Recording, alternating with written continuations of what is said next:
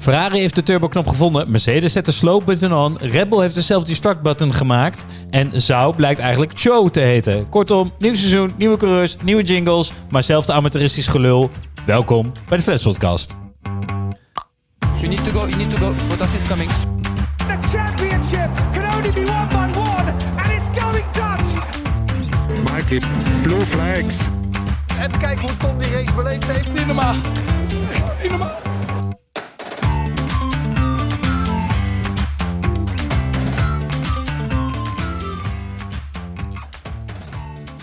Zo, vijfde keer dat ik deze opening doe, maar ik heb hem er eindelijk uitgekregen.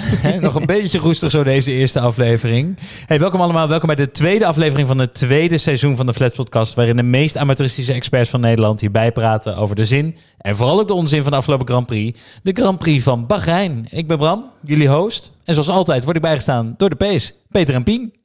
Hoi. Jongens, een beetje energie gekregen van dat eerste Formule 1 weekend. Nou ja, wat moet ik zeggen, Bram, eh, je was erbij. Ik had ook, eh, ook nog even mijn vrijgezellenweekend, dus of ik er nou heel veel energie van heb gekregen, weet ik niet. Maar eh, nee, het was, eh, to- was toch wel weer mooi. Maar wat, ik, wat bij mij in me opkwam, je denkt inmiddels wat te weten over Formule 1. En vervolgens alles begint weer opnieuw. En, maar even, want jij hebt dus op een klein schermpje, heb jij tussen de activiteiten door, heb jij naar vrije trainingen en naar kwalificaties Ja, zitten kijken? Precies, de kwalificatie was tussen de, de activiteit en het terras. Eh, de race kon ik gelukkig wel gewoon normaal zien. eh, maar eh, nee, het was even aanpoten, het was even improviseren. Maar ik ben er, ik ben er. Hey, en maar ik vond me wel, ik vond me wel hyped, zeg maar. zeg maar. Ik was wel echt weer klaar om te beginnen. Ik vond de eerste kwalificatie vond ik ook wel echt zo spannend. Niet dat ik hem gekeken heb, maar eh, dus, eh,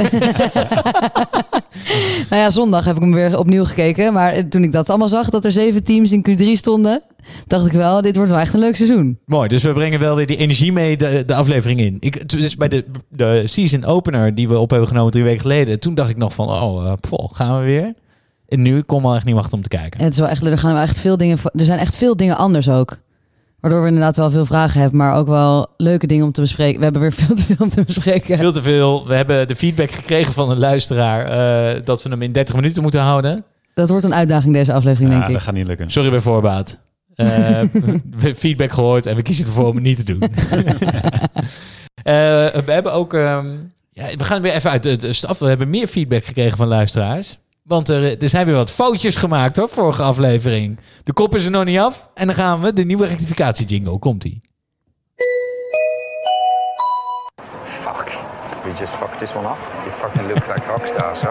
And now we are a fucking bunch of wanker. Yeah, bunch of fucking clowns, yeah. Pien, ik vind het vooral mooi dat jij weer vertrekt van het lachen. Terwijl je dit waarschijnlijk al honderd keer hebt gehoord. Ik heb het echt al zo vaak gehoord. Het valt Eh, ook wel mee. Ik wil gewoon eigenlijk heel graag de nieuwe jingle laten horen. Ja, precies. Want nou, wil je hem zelf rectificeren? Nou goed, eh, een tijdje geleden heb ik gezegd dat Haas een Russisch team is. Dat is natuurlijk niet waar. Het is gewoon Amerikaans. Maar eh, nou, ze zijn in ieder geval wel gecanceld. Hè? Dus, eh, maar daar komen we zo nog op terug. Dus dat is heel mooi. Hey, ik wil nog wel even wel vragen eh via Play.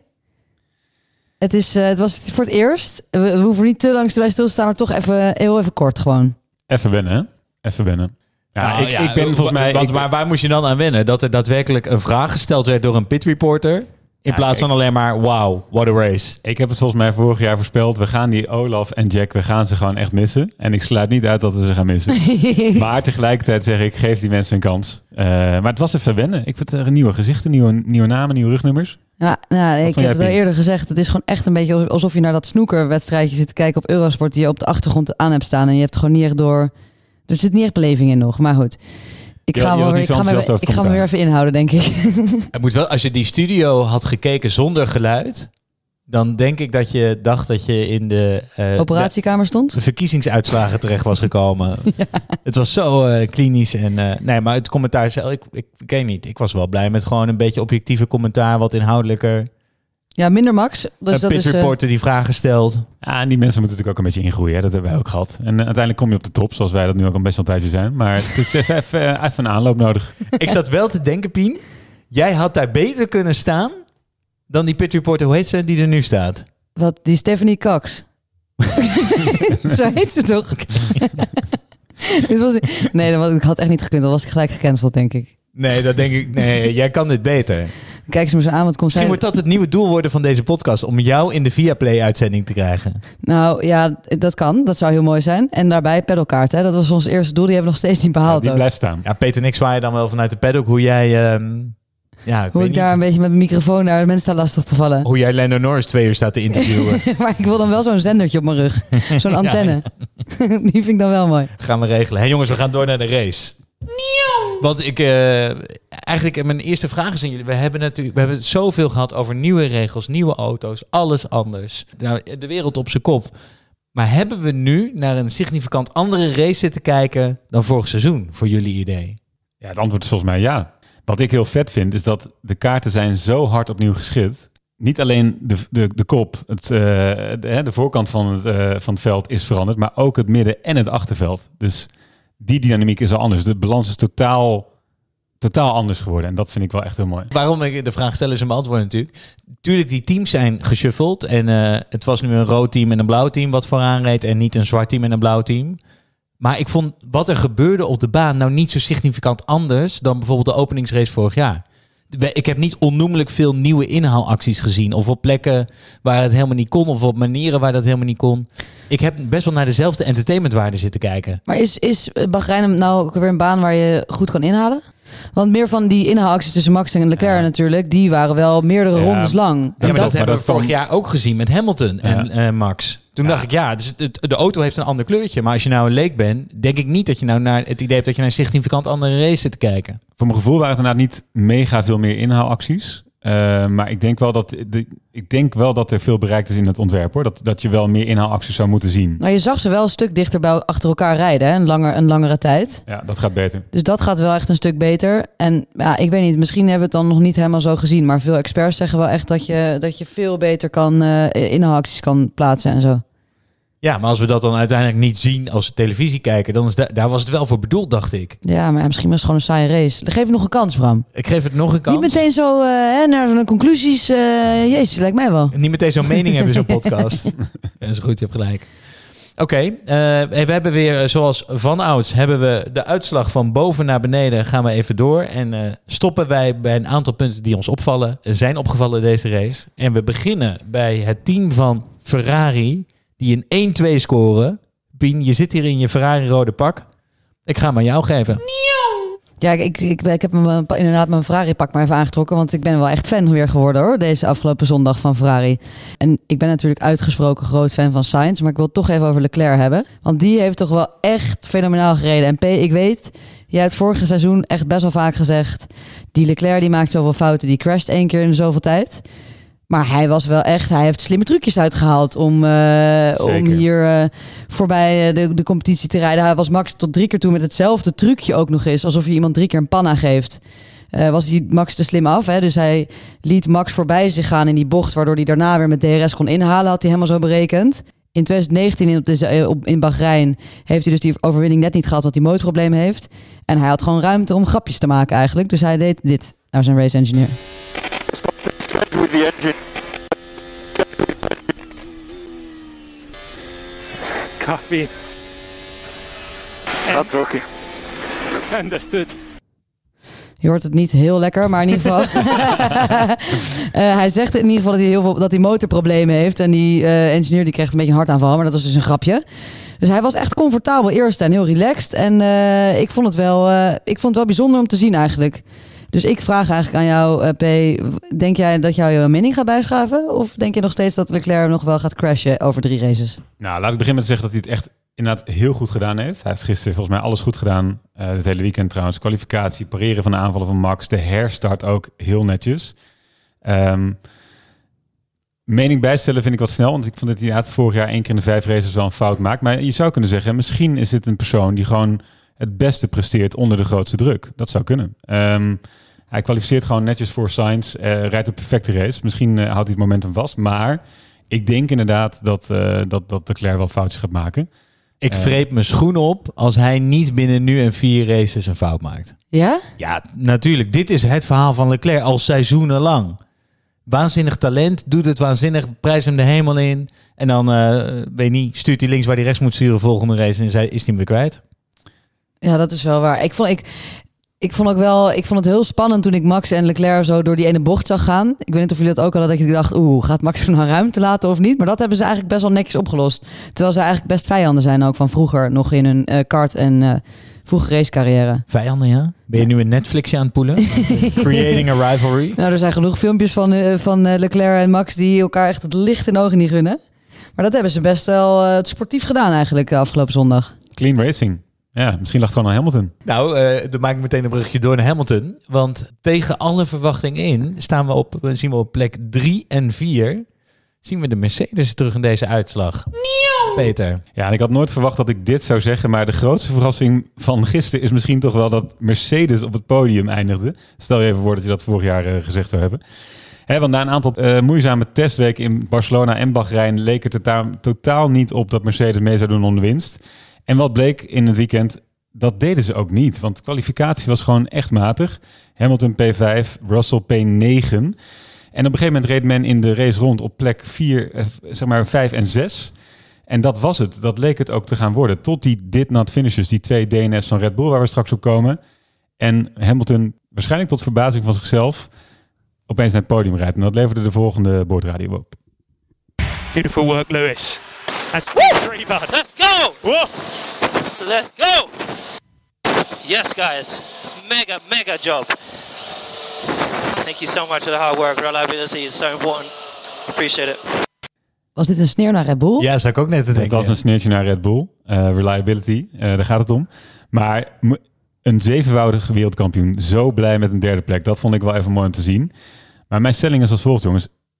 Ondanks dat hij hier zo blij is. Ik denk dat Lewis dus gewoon niet meer zijn achtste titel gaat halen. Als je ziet hoe, hoe Mercedes er nu voor staat. Wat denken jullie? Want ik bedoel, als het dit jaar niet gaat gebeuren, dan weet ik echt niet wanneer. In principe is het laatste contractjaar. Ehm, vorig jaar was de kans. Maar het lijkt er nu gewoon echt op dat Mercedes het derde team is op de, op de grid. Nou, maar je hebt wel, ik bedoel, Mercedes en Red Bull staan op zich wel onbekend dat ze wel goed zijn in updates meebrengen door het jaar heen. Hè? Dus het kan allemaal nog wel echt een stuk beter worden. En Ferrari staat erom bekend dat ze een Italiaans team zijn. En dat betekent dat er nog ook genoeg Grilligheid. grilligheid Ja. kan gebeuren. Dus Hamilton heeft, heeft drie problemen aangestipt na de race. Het gaat om bandendegradatie, eh, downforce en topspeed. Ik denk dat je die eerste twee zou je van kunnen zeggen, daar valt nog wel het een en ander aan te doen. Die vloer misschien opnieuw doen. eh, iets minder van dat stuiter op de baan, minder downforce. Maar heet dat, P? Porpoising. Yeah. Maar dat, maar dat, eh, de topspeed, dat, dat zit er gewoon in tegenstelling tot vorig jaar gewoon, eh, gewoon niet goed in. En, en, en dat, daarmee zou het gewoon een derde team kunnen zijn op de grid. Dat zou een revolutie zijn. Ja, want dat is toch wel wat me opviel. Alle Mercedes-motoren die stonden onderaan, behalve Mercedes zelf. Dus Williams, eh, McLaren en eh, Aston Martin. En dat is toch wel best toevallig. Dat alle motoren, alle Mercedes-motoren dus onderaan zijn en alle Ferrari-motoren bovenaan. Toevallig tussen aanhalingstekens of? Toevallig. En dat de Red Bull-motoren uit zijn gevallen. Maar, dus, maar als de motoren tot 2026 bevroren zijn, dan zijn ze dus wel de lul. Nou, dat is mogelijk. Ja. Volgens mij wel, ja. Ze mochten tot 1 maart aan die motor sleutelen. Dus als die motor te langzaam is en je mag er niet meer aan sleutelen de komende vier jaar. Dat klinkt mij in de oren alsof je de lul bent. Ja, nou, en ik denk er zullen wel een aantal upgrades gemaakt kunnen worden. Hè? Dus dat downforce probleem, dat kun je er nog wel uit engineeren in de upgrades van je chassis. Dus dat geloof ik wel. Mercedes gaat beter voor de dag komen. Maar die topspeed, daar maak ik me wel een beetje zorgen voor. Ja, maar hoe hij die na die eerste pitstop, die pitstop, die pitstraat uitgleed. Het was alsof je op ijs aan het Alsof rijden het een was. short tracker was, ja. En de rest heeft dat allemaal niet, niet zo sterk gehad hoor. Want we dachten allemaal, ja, zie je wel koudere banden uit die bandenwarmers. Ja, dat speelt ook wel mee natuurlijk. speelt natuurlijk mee, maar ik heb het niet zo erg gezien als eh, daarna als dat ik bij Hamilton gezien. Wat- Echt een groot probleem. Ja, wat wel tekenend was, eh, eh, Lewis Hamilton heeft aangegeven na de race, zelfs met, D, eh, hè, met mijn DRS open was ik, eh, kwam ik een voorganger niet voorbij. Dus het is inderdaad, de snelheid is wel echt een probleem. En ze waren gewoon nog steeds headbangend overal over die, dat circuit aan het Ja. gaan. Wat, me dus, ehm, wat ik bij mezelf merkte, is wat voor bloedhekel ik aan het team eigenlijk heb. En dat, dat komt door deze race. Want vorig seizoen was het natuurlijk Hamilton tegen Max. En wij wilden niet eh, te veel pro-Max zijn. Dus dan moest ik mezelf echt dwingen om voor Lewis te zijn. Maar nu merk ik dat ik het Ferrari ook veel meer gun om in die battle met Max te zitten. En dat ik nog steeds bij Mercedes denk, lekker. Ik weet het niet. Ja, Ze hebben dat- zo weinig sympathiek van, sympathie Ja. van mij. En volgens mij van heel veel mensen. Nou, ik denk dat dat inderdaad de psyche is van de mensen. Als je gewoon een, een achtvoudig eh, constructeurskampioen ziet rijden, dan daar Ja. ben je gewoon klaar mee als kijker. En de psyche van een Nederlander ook wel hoor. Ja, eh, Nee, maar ik, heb bij denk dat- Ferrari denk ik echt, en ook nu voor Charles, dan kan ik oprecht denken, nou, dat is echt een mooi resultaat wat ze daar hebben geboekt. Ja, dat is waar. En dat had ik vorig jaar niet. En ook, want eh, Mercedes kwam dus die, die laatste sessie testdagen... die na onze pre-season eh, aflevering eh, is geweest. Mhm. Dus die, dat hebben we niet behandeld. Maar hebben die, die hebben natuurlijk een mega-update meegenomen...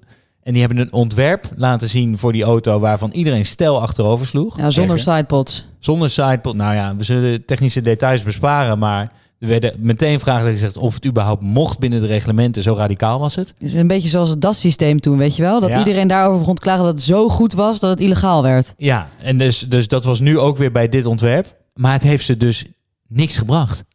Dat vind ik heel opvallend. Ik, ik werd nog heel boos tijdens die testdagen dat ik dacht dat ze weer dus dat, dat hele sandbagging aan het doen waren. Oh nee, ja, het gaat echt super slecht. En, eh, en dan eh, vervolgens wel opkomen draven met een hele goede auto. Maar dat was dus gewoon voor het eerst in acht jaar ongeveer niet het geval. Nou, en dat is misschien ook wel een reden dat, je, dat ze die sympathie niet hebben. Altijd maar dat Sandbergen. Maar goed. Hey, we hebben een hoop vragen. En onze luisteraars hebben ook een hoop vragen. Dus wij gaan zo midden in onze aflevering naar de rubriek De Lekenvraag van de week. Uh, Michael, I just send you an email um, with the diagrams where the car should be. Did you receive that? Uh, yeah, then you should maybe look at this because there is something with the rules coming up.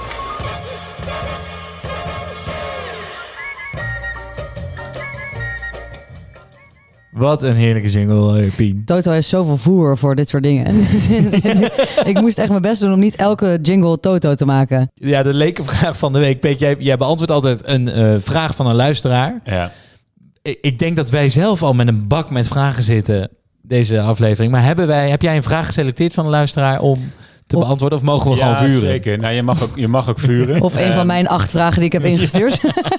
Het is inderdaad moeilijk nu, want veel teams weten sommige problemen ook zelf nog niet te verklaren. Eh, maar we hebben een aantal vragen gekregen, bijvoorbeeld over de banden, over de pitstops. En daar kunnen we even mee beginnen. Hè. Dus waarom duurden die pitstops nou langer? We hebben drie seconden gezien, we hebben, we hebben vier seconden gezien, maar het was in ieder geval zeker niet meer de 1,8 die we in het verleden zagen. Nou, een verklaring daarvoor zijn de zwaardere banden. Dus die banden zijn eh, van 13 inch naar 17 inch gegaan, zijn nu ruim 11 kilo zwaar. Eh, dat kost tijd. En daarnaast de wieldoppen. Die moeren zijn niet direct meer toegankelijk. eh, hè, dus daar moet eh, een leaf, hoe noemen jullie dat? Die moeten afgehaald worden om die, die band eraf te kunnen halen. Ja, kijk Jonsa, jij bent hier de expert. Moeten wij je nou helpen om je eigen vraag te beantwoorden? Dit, eh, ik, ik, ik- Maar betekent dit dat eigenlijk die, die monteurs dan meer naar de sportschool moeten om die banden gewoon sneller te kunnen tillen? Ja, of die hebben misschien... eh, het is toch een, een kleine vorm van staken. Hè? Van de Arbo gewoon één seconde langzamer doen. Nee, maar het is, het is een zwaardere band. Eh, de, de wieldoppen zijn minder goed toegankelijk. En dat is een verklaring voor de langere, voor de langere Ja, ik pitstop. vond het wel echt opvallend, ja. Een andere vraag die we kregen was van hoe zat het nou met die hoge slijtage van de banden? Want we hebben dus drie stop strategie gezien, waar een twee stop werd eh, eh, verwacht. Nou, er zijn een aantal mogelijke verklaringen voor. Asfalt in Bahrein schijnt vrij grof te zijn relatief tot eh, andere tracks. Ehm, het gewicht van de auto kan meespelen. Maar tegelijkertijd was het natuurlijk ook een beetje een verrassing ook voor, voor, voor de kijker zelf gisteren. Pirelli zal waarschijnlijk ook nog wel een en ander aan het doen zijn. De bandentemperatuur is lager. Hè? Die banden warme zijn nu 70 graden in plaats van 100, warm, 100 graden. Dus het duurt langer, langer om die eh, band op temperatuur te krijgen. Dat zorgt voor meer slijtage. Maar eigenlijk is de bottom line ook wel... We weten ook nog niet alles te beantwoorden. Dus blijf de vraag sturen. We gaan het per race meer te weten komen. Het is hartstikke complex, joh. En dan eh medium banden die sneller leken te zijn dan soft banden. Harde banden die niet, überhaupt niet vooruit kwamen. die niet vooruit kwamen en ook helemaal niet lang meegingen. Ik, ik, ja, je denkt dat je Formule 1 kent en dan begint er zoiets en je staat weer op nul met je podcast. Maar ik denk dat... Dus ja. dat, dat sowieso. Maar ik denk dat Pirelli eigenlijk ook wel een beetje verbaasd was. Denk je niet? Dat, tenminste niet dat ze het ooit gelijk hebben gehad in hun eh, berekeningen. Zijn ook Italianen, hè? Ja, precies. Ehm, daarover gesproken, dan gaan wij door naar onze favoriete Italiaanse teambaas. En naar een team eh, wat misschien wel de grootste winnaar is van deze nieuwe reglementen-update. Het team van Haas. Pien. Wacht even. Is Gunther Steiner Italiaans? Ja. Ja. Fucking hell. Waarom, waarom, Wat? Yes. waarom praat hij dan zo Duits? Ja, dat is Italiaanse Noord-Italië. Alpen. Ja. Dat is... Gewoon een accent daar. Nou, leer je ook nog eens wat. Anyway, goed. Ik kom er steeds meer achter dat ik echt weinig weet. Eh, maar goed, wat ik wel goed heb voorspeld is... Maas eruit voor Bahrein. Wat zei ik jullie? En jullie vonden het nog... Ja, dat is- eh, Cre- credit to Pien. Dat heb jij Hij heeft heel de testen niet eens gehaald. Dus eh, mijn punt hier is, is dat dus ehm, een onverwachte vervanger heeft eh, opgevolgd bij Haas. En dat heeft hem geen windeieren gelegd. Magnussen, die is in 2020, eh, heeft hij de bons gekregen van Gunther Steiner. En is dus opgevolgd door Mazepin, is weer teruggehaald. Ik had het niet verwacht. Er stonden wel wat andere namen op het lijstje. Hij was gewoon in de volle voorbereidingen voor een totaal andere raceklasse. En hij werd gewoon een week van tevoren gebeld. En wat doet deze dan? Komt hij aan bij de testing, topt hij even de lijst als P1. Vervolgens zorgt hij ervoor dat Haas voor de tweede keer in hun hele geschiedenis de Q3-sessie hebben gehaald. Kwalificeert beter dan een Mercedes. En plaatst dus als P7, terwijl Schumacher zijn teamgenoot die er al een jaar langer zit, P12 eh, kwalificeert. En vervolgens, nou oké, een paar schoonheidsfoutjes, een paar keer eh, een beetje hier en daar verremd. Eindigt hij gewoon als best of the rest als P5. Anyway, eh, dus... eh, Ja, het, is, het is inderdaad echt ongelooflijk dat, dat Magnussen in een Haas vijfde, vijfde eindigt. Maar gewoon, zeg maar, er zijn zoveel elementen hier aan die ik bizar vind. Eén, Haas in, als op P5 en dan ook nog Magnussen terug in de Formule 1. En die dus zoveel beter rijdt dan zijn teamgenoot. Ik was echt, ik was helemaal... Ik, ik zit er de hele tijd klaar mijn fragmenten aan te zetten wat jij hebt klaargezet. Oh ja, eh, f- oh ja, dat had ik ook nog. Alles wat er gewoon gebeurd is. Je hebt Drive to Survive ook gekeken, die arme Gunther Steiner.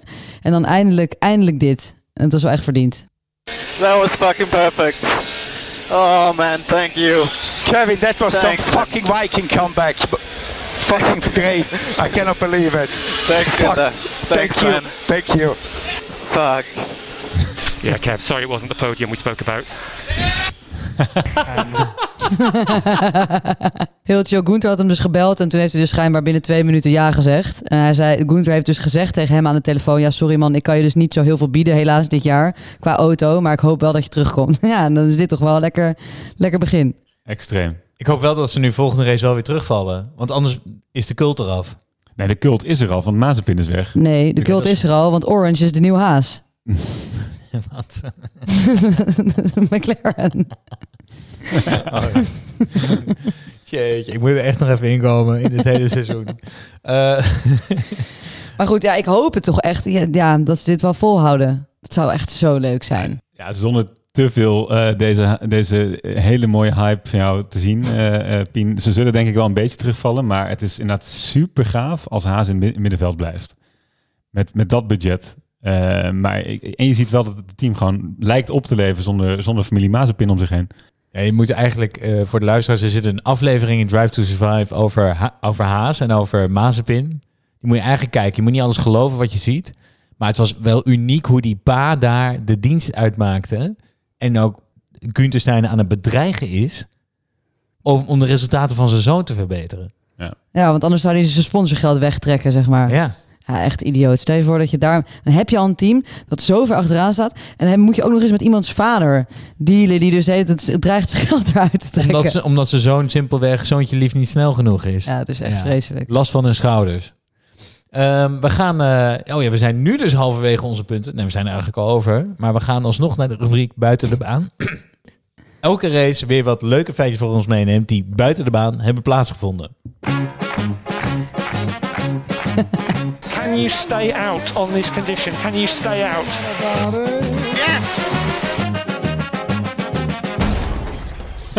Misschien heeft deze jingle een kleine uitleg nodig, Bram. Moet ik die geven? Je wilt er even inkomen. Jij- Jij zit hier helemaal te, te vergaan van het lachen om dit fragment. Nee, oké. Dus dit is een fragment. eh, de, Stroll, de race engineer van Stroll die vraagt aan Stroll van... joh, kan je nog even buiten blijven op deze banden? En Stroll zegt ja. En vervolgens eh één seconde later crasht hij dus de muur in. Om ons eh, bu- buiten de baan rubriekje te... Nou, nu heb ik hem helemaal uitgelegd. Anyway. Ehm, Max heeft bijgetekend bij Red Bull tot 2028. Hoeveel denken jullie dat hij gaat verdienen per jaar? Ja, jullie weten het Ik antwoord weet al. het niet, want je hebt het me voor de show verteld. hey, roep maar. 50 miljoen per jaar. 50, Ja, 40 vijf- toch? 50. Maar dat is Nou, gewoon of- 1, 1 miljoen per week, hè? Dat is één bloem per week. Oké, maar dan even 50 keer 6. Want hij is 6 jaar getekend. Dus 300 miljoen. Ja. Dus hij heeft een contract voor 300 miljoen. Hij weet gewoon dat hij 300 miljoen op zijn rekening Ja, krijgt. ik ben nu heel erg bang dat ik ooit gerectificeerd ga worden. Maar volgens mij heb ik dat wel echt gelezen. ja, dat klopt. En eh, ja, en dat is ex-sponsordeals, hè? Dus ik bedoel, eh, al, al die Car Next reclametjes die Ja. hij aan het doen is, eh, daar, daar vangt hij ook nog wel wat voor, kan Ja. ik je vertellen. Ah, dus de, inderdaad, de loonhoogte zit buiten de financial fair play op dit moment nog. Dus die, die, die, die lonen kunnen op dit moment nog zo hoog zijn. Mogelijk gaat dat eh, volgend jaar ook weer veranderen. Ja. En nog even om het eh contracten rondje af te maken. Sainz heeft als het goed is ook een overeenkomst met Ferrari bereikt. Norris natuurlijk ook bijgetekend voor vier jaar. Alhoewel hij nu eh, extreem veel spijt heeft waarschijnlijk dat hij nu voor vier jaar heeft bijgetekend bij McLaren. Dus zo zie je wel dat eigenlijk aan het begin van het seizoen de rit voor volgend seizoen al langzaam aan het vol, eh, vorm is. Ja, maar volgens mij is het dus wel zo dat dat nu specifiek gebeurt, omdat dus die salarissen mogelijk aan banden worden gelegd. Dus Ja. dan kan je maar beter nu getekend hebben voor lange tijd. Daar kunnen ze natuurlijk niet, eh daar kun je niet achteraf wijzigen, zo'n contract. Maar werkt het net als bij voetbal zo dat als je dan toch een, een coureur wil hebben, dat je dan een, een fee moet betalen? Wat Snap de je? regels exact zijn, weet ik niet. Maar het is inderdaad zeer ongebruikelijk om, eh, om een, eh, Een speler weg te kopen, zeg maar. Snap weg je? te halen, inderdaad. Ja, nee, dat, dat Gebeurt gebeurt, niet. niet. Nee, dus het uitdienen van je contract is wel de norm in de Formule 1. Echt Dus je kan ook niet als Norris bijvoorbeeld, kan je nu niet zeggen van joh, eh, zoek het uit eh, met, Ja, er zijn- zoutbak. Ze zeggen ga. van Max wel, maar ja, wat er van waar is, moet je, moet je maar weten. Dat weten we niet. Maar ze zeggen dat er eh, clausules zijn voor als Red Bull niet goed presteert. Dat hij dan alsnog weg mag. Oh ja, ja, ja, dat was twee jaar geleden was daar sprake van. Ja, Dat daarmee men, gingen maar dreigen. Volgens mij bleek dan ook achteraf weer dat er helemaal niet zoveel sprake van was. Dus of dat nou waar is, dat hebben we nou. Ik heb het Max nog niet horen zeggen. Nee. In de keer dat ik hem bel. Eén keer per week. ik zat te vragen. Even een weekly stand-up. Anyway, nou, dit is, de, de, de, de meloenen vliegen ons weer om de oren. Had je meer? Nou, ehm, ja, ik wilde nog even een opmerking maken over Drive to Survive. Dat, hebben jullie dat Will Buxton, eh, eh, dat hebben jullie toch wel gezien? Ja, dat, dat- moest dat ik gewoon heel even kwijt. Oh, met zijn Johan Cruijff-achtige quotes. Ja, de, de Mr. One-liner. De Mr. One-liner van Netflix. Ja, ik, ik vond dat ongelooflijk. Heel Twitter is ook helemaal losgegaan. Maar ik wilde dat toch even benoemd hebben. Voor de mensen thuis die zich daar ook aan hebben geërgerd. Die zijn niet de een enige. stapje te ver gegaan in zijn one-liners, hè? Ja, die heeft even een, Maar ook maar net.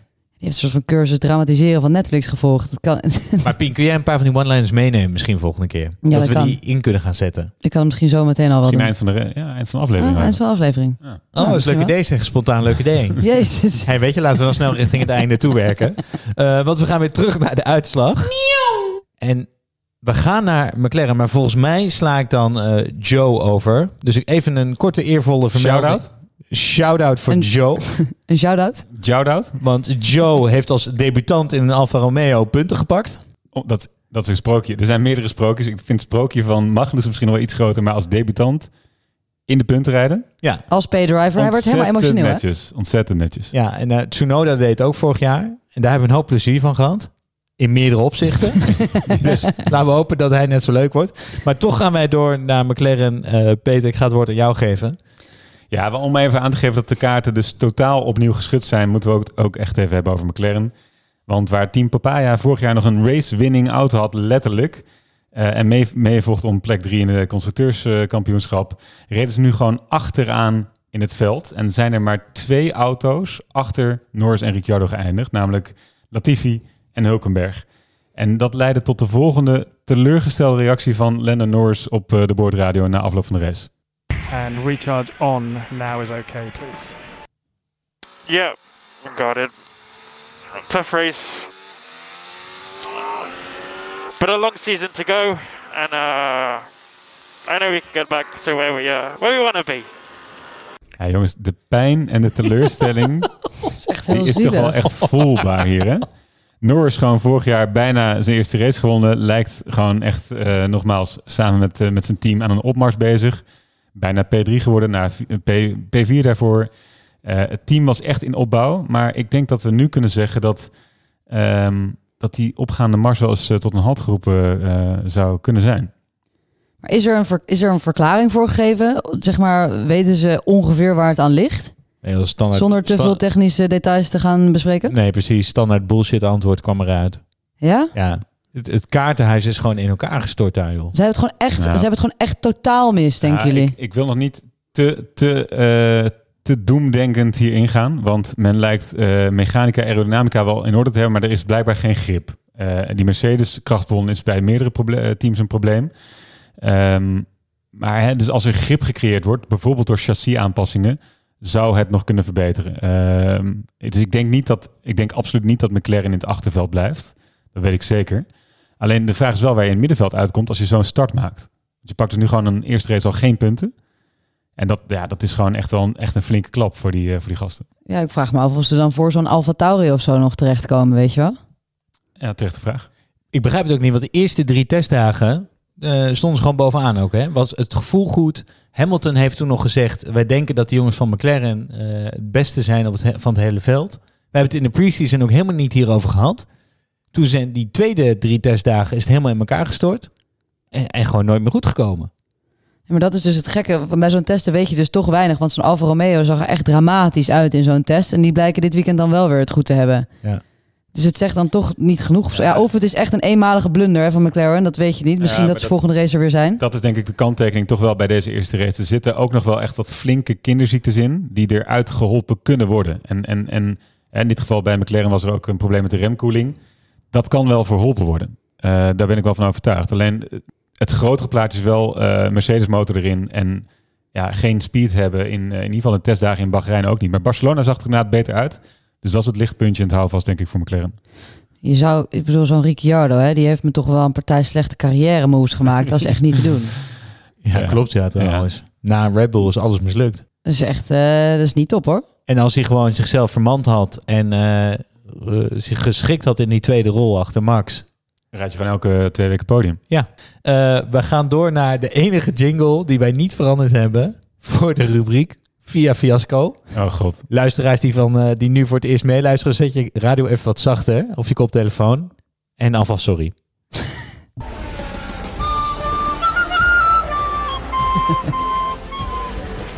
Michael, this is Toto. Go ahead, Toto. Uh, Michael, I just send you an email.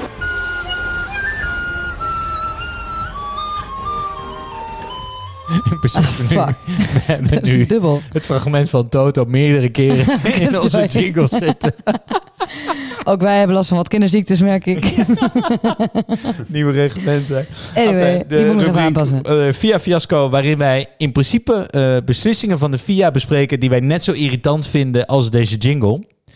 En de- de- deze rubriek hebben we vorig jaar in het leven geroepen, maar misschien moeten we er überhaupt afscheid van gaan nemen. Want wat een verademing was de wedstrijdleiding in Bahrein. Vertel. Nou, dat begon met gewoon de directive. Je moet binnen de witte lijnen blijven. Punt. Dus niet meer in bocht 4 mag je zoveel meter met je goudvis aan de linkerkant over de lijn. En dan, maar als je dat drie keer doet, krijg je een vlag. En eh, waardoor die coureur zelf... Dus eh, Michael Masi, die gaf echt voor elke bocht, op elk circuit gaf hij instructies. Soms zelfs ook weer nieuwe instructies op zondagochtend. Die sommige coureurs dan ook weer niet gelezen hadden voor de start. Het was een chaos, nou, helemaal voor de kijker. En er begint nu een nieuwe wedstrijdleider en die zegt, nou, gewoon binnen de witte lijnen racen. Punt. Je mag er niet buiten. Punt. Ja, en, eh, en inderdaad, als je iemand gaat inhalen en, je, en iemand moet daardoor buiten de baan, ben jij dus de schuldige ook. Dat is ook nieuw, hè? Ja. En ook nu weer, en dat is dus wel naar aanleiding van Abu Dhabi. De race mag niet herstart worden na de safety car, totdat alle achterblijvers de safety car hebben ingehaald. Ja, Zag je nu ook gebeuren. die zag je wel, ja. Ja, en wat nog meer?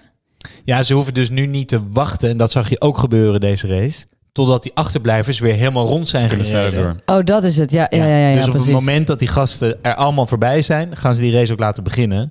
Dus dan krijg je eigenlijk een soort van twee races verspreid over dat circuit. Twee clubjes coureurs. Maar goed, ik vond het, ik vond het een verademing. En het zijn dus twee, het zijn dus twee, oh nee, dus, er is één per wedstrijd. Maar dat is, Ja, één per wedstrijd. eh één, één wedstrijdleider per wedstrijd is er. En eh, ja, heerlijk. En, ik, en zo simpel dat ik dacht, ja, maar eh, waarom heeft niemand eerder dit gedaan, dat is toch? toch idioot? Oei, oei, oei. Dus ik heb veel verwachtingen en ik hoop dat we deze eh, jingle voorgoed in de kast kunnen Ja, dat leggen. zou prima zijn. die vertrekt elke keer als dit ding inkomt. Dan gaan we door met, eh, ja, dan komen we aan de onderkant van de uitslagenlijst komen we aan. Met pijn in het hart bij Max Verstappen. Want wat is daar gebeurd? Hè? De tests zien er waanzinnig uit. Allebei de testmomenten. Vrije trainingen zien er waanzinnig uit. Kwalificatie, ja, die Ferrari staan dichtbij, dat wisten we. Hij maakt een klein foutje, pakt die pol niet, niks aan de hand. Echt, ik zet die tv aan op zondagmiddag. Ik denk, nou, Max haalt hem in bij de start en vertrekt aan de horizon. Nou, dat gebeurde niet. Dat was zorgenpunt nummer één. Oh, hij komt er echt niet voorbij.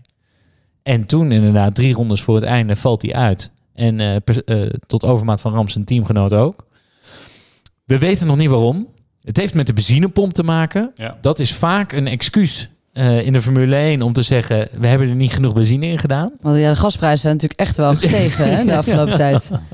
Ja, dus dat, er wordt gefluisterd inderdaad. eh, ze hebben er niet genoeg benzine in gedaan in beide auto's. Dat is dan weer heel hard ontkend door Red Bull. Is dat die budgetcap? Ze hebben gezegd, nee, het was de benzinepomp. Daar is dan wel weer het probleem van dat dat een standaard onderdeel is. Die is voor alle 20 auto's gelijk, die benzinepomp. Dat is de regel. Eh, dus het is gek dat hij dan precies bij deze twee auto's kapot gaat. Maar de FIA had ook voor de race... Normaal mag je niet aan die auto zitten, maar hebben ze expliciet tegen de teams gezet... je mag een uur spenderen om die benzinepomp na te kijken. Oké. Dus er was al toch wel het gevoel dat er misschien iets mis was. Anyway, dat doet er eigenlijk allemaal niet toe, want daar wil ik helemaal niet heen.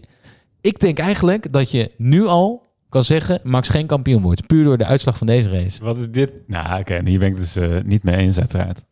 Nee, begrijp ik. Ik misschien zelf ook niet helemaal. maar en dat, nou, toen dacht ik laat. Dus eh, in eerdere tijden, toen Formule 1 nog 15 races per seizoen had, dan was gewoon een, een, een, een dit not finish, was gewoon geen kampioen. Punt. Ja. Dat kon je je niet veroorloven. Nu is een seizoen 23 races. We hebben wat meer punten te verdelen met snelste rondes en met sprintraces. Dus misschien kan je dit bijtrekken. Maar een dit not finish achter je naam en dan toch kampioen worden is nog steeds waanzinnig moeilijk. Ja, nee, ik ben... Nog even los van of die überhaupt gaat winnen in de komende races. Hè? Want gewoon puur op uitslag van deze. Ja, ik ben met je. Ik, ik snap wat je zegt. Tegelijkertijd, ik denk wel dat je hem kan bijtrekken. Maar je moet nu gewoon blij zijn als je rond de zomerstop gewoon weer bij Ferrari staat. Want inderdaad, je wil normaal gesproken niet heel veel meer dan één, maximaal twee DNF's per seizoen hebben. Vorig jaar waren het er meer, maar dan nam je een keer eh Hamilton mee in, in Monza. en dan kwam je ermee weg. Maar dit is op race 1 een DNF hebben is, is ontzettend duur qua punten. Het is gewoon 25 punten down the drain. In dit geval 18. De zorgeloosheid van die tijd staat in zo'n groot contrast tot dit. Ja, wat is daar gebeurd? Zijn daar nog afstellingen ingezet om, om toch wat competitiever zijn richting Ferrari? Dat, dat is nu de vraag. Eh, want of het alleen die benzinepomp is, inderdaad, dat, dat is niet duidelijk. Want is hij vorig jaar uitgevallen door zo'n probleem of was het alleen maar door crashes? Alleen maar crashes. Ja, dus vorig jaar is hij, het, dus het jaar daarvoor is hij echt drie keer achter elkaar of zo uitgevallen of zo, toch? Ja, toen plofte die Honda-motor nog. Maar dit is, dit is wel echt iets anders. Dit is gewoon geen benzine toevoer meer hebben. Het is mega pijnlijk, ook dat ze het niet gezien hebben. Maar goed, misschien ben ik wel meer overtuigd geraakt van mezelf... nu ik mezelf zo hoor praten... dat hij wel echt geen kampioen gaat worden door deze race. Eh, anyway, we gaan het zien. Hij was zelf nog tot op het bot gemotiveerd, hè? Viel me wel op. Ja, hij was veel aan het schelden op de radio. Dat was, eh, dat was niet niks, nee. Hij zit niet een soort van... ik ben wereldkampioen, ik ga even lekker cruisen nu. En dan gingen mensen ook nog wel zeggen van... eh, ja, en hij is echt heel gefrustreerd en niet meer zo rustig als vorig jaar. Maar ja, als je alles vooraan staat en opeens gaat je auto kapot... zou ik ook wel echt geïrriteerd zijn. En hij kon niet meer sturen. maar Ja, terwijl ik vond hem na de race vond ik hem wel weer rustig. Eh, hij, hij oogt wel kalm. Dat is ook iets wat eh, zowel Vettel als Hamilton hebben gezegd hè, in interviews. Als je één keer wereldkampioen bent geweest, hè, dan, is die, dan is de druk echt wel wat lager. Ik denk dat je dat wel ziet bij Max. Inderdaad, tijdens de race vol van adrenaline, totaal gefrustreerd. Maar ik vind het wel spannend hoor. Ik hoop wel echt dat ze dit hebben opgelost, zeg. Ja, Ferrari heeft zo'n topweekend gehad. Het Ja, is ze gaan, het, nee, ze gaan het wel eigenlijk oplossen. Het is, ik bedoel, wat Peter al zei, Red Bull en Mercedes hebben een ongelooflijk goede historie van die auto verbeteren in een jaar. Eh, jij zei dat zelf, dus waarom zit ik eigenlijk aan jou uit te leggen waarom het dan nog goed komt? Ik praat mezelf zo vaak tegen in één aflevering. We gaan eh, door naar eh, de afsluitende noot van deze race voordat we vooruitkijken naar de volgende. En die komt zoals altijd van onze huisdichter, Luc.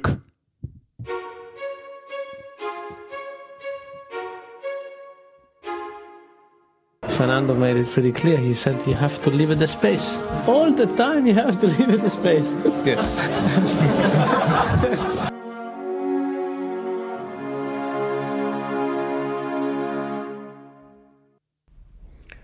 We zetten een punt achter 21 en starten 22. In het Midden-Oosten, Bahrein. Nieuwe regels, maar dezelfde wetten van de natuur. Up en down. Forceren de auto's stuiterend over het circuit te gaan. Voor de vorm van het spel, de spanning in het duel, heeft de vorm van de wagen net een ander model.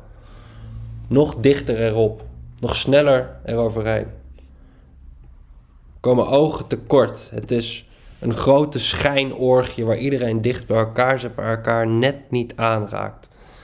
Maar waar wel elke kans gepakt wordt, elk gat gevuld wordt met een actie. En we ondanks het ontbreken van de nodige tractie maagdelijk ongeschonden de eerste ronde doorkomen. En de vraag is of we de juiste woorden kunnen vinden voor wat we aan het eind gisteren zagen. Naast het jagen van de rode stier op het gele paard, tja, Hoe vat je dit? Hoe pak je dit? Het is slechts een kwestie van perspectief. En na een ronde denken, bingo. Drie letters. D en F. Did not finish. Tweemaal. Disaster day voor Red Bull. D en F. De nieuwe Ferrari. Ze zijn terug. Gehinnik en gegrinnik vanuit de Italiaanse renstal. En vul zelf maar in waar dat geluid vandaan komt en of het de rest van het seizoen nog zal resoneren.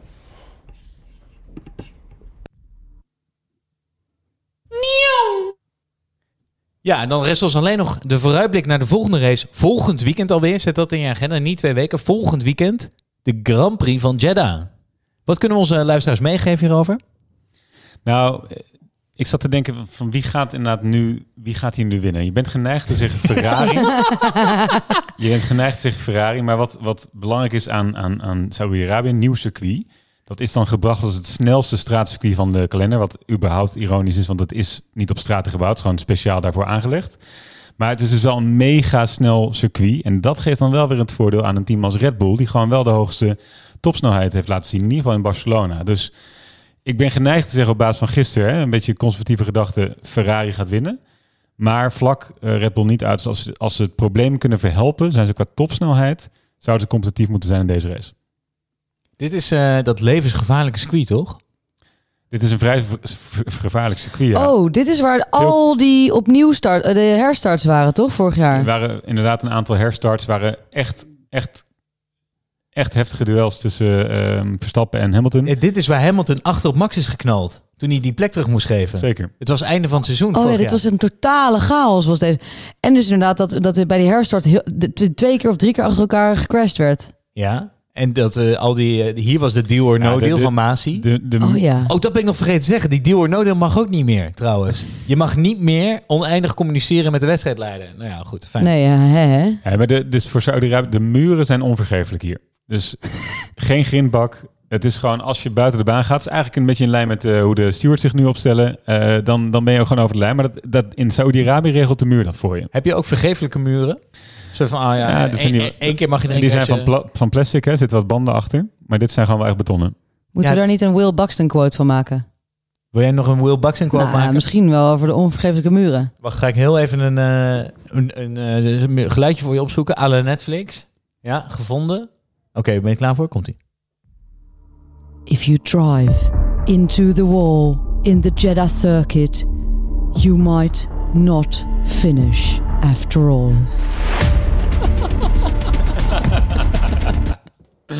Oké. Ik Eh, ik denk dat we de aflevering moeten gaan afronden. Eh, ergens mijn outro nog vandaan zien te halen. hey, eh, had je nog meer voorbereid voor over Jeddah? Nee, Nee, ja, toch? dat was het. Perfect. Nee, joh, we gaan het gewoon zien eh, volgende week. Maar anders hebben we alleen maar weer meer voor de rectificatiefabriek. rubriek. Fabriek. Fabriek. Ja, nou, daar komt hij al. Hartstikke idee. Hey, lieve luisteraars, mocht je tot hier hebben uitgeluisterd, heel veel dank daarvoor.